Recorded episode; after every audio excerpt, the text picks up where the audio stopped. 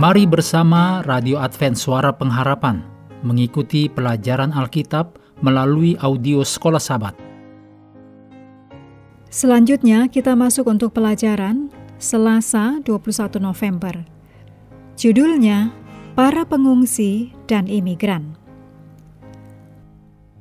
Mari kita mulai dengan doa singkat yang didasarkan dari Efesus 4 ayat 2 Hendaklah kamu selalu rendah hati, lemah lembut, dan sabar. Tunjukkanlah kasihmu dalam hal saling membantu. Amin.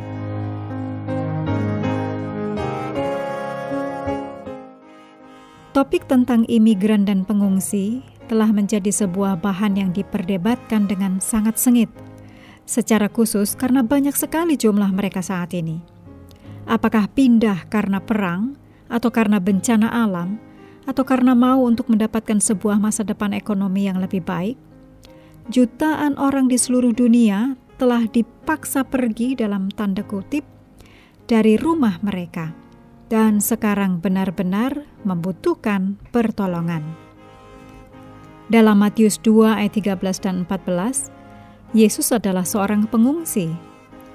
Orang tuanya di bumi yaitu Yusuf dan Maria dipaksa untuk meninggalkan Bethlehem dan mencari perlindungan di Mesir untuk meloloskan diri dari tangan Herodes yang akan membunuh Yesus.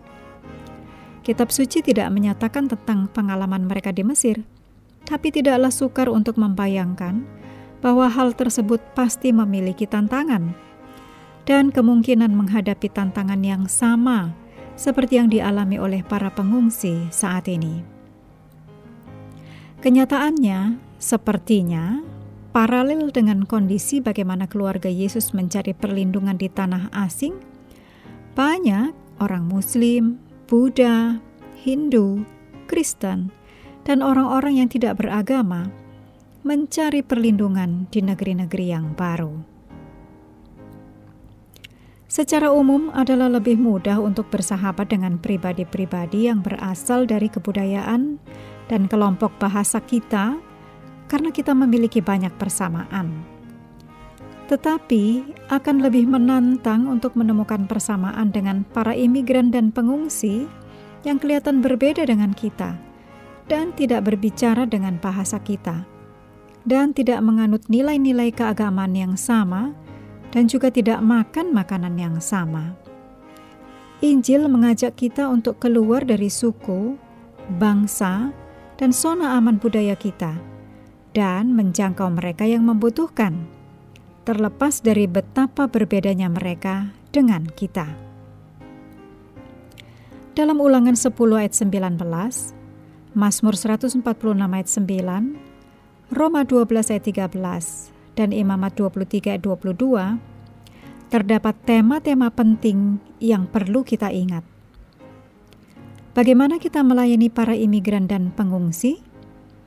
Di beberapa negara hal ini sulit karena dianggap secara politik tidak benar untuk berbaur atau menolong orang-orang seperti ini. Tetapi kita harus melakukan apa yang dapat kita lakukan ketika kita bisa untuk melayani orang-orang ini yang tentu saja telah melewati saat-saat yang sulit dan membutuhkan pertolongan kita. Jadi, seberapapun kita bisa, kita harus menolong. Mulailah dengan doa, dan kemudian carilah informasi tentang masalah imigran dan pengungsi.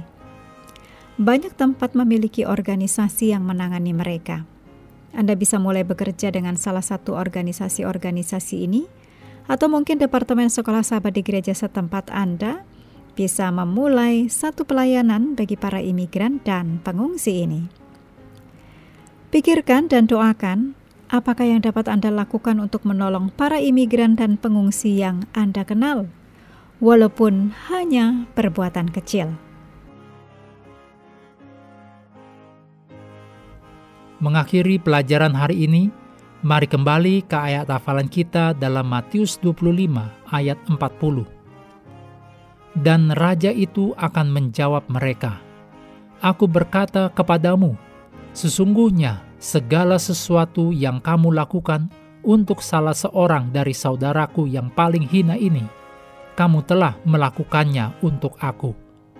Kami terus mendorong Anda mengambil waktu bersekutu dengan Tuhan setiap hari, baik melalui renungan harian, pelajaran sekolah sahabat, juga bacaan Alkitab sedunia, percayalah kepada nabi-nabinya, yang untuk hari ini melanjutkan dari Kidung Agung 6 Tuhan memberkati kita semua.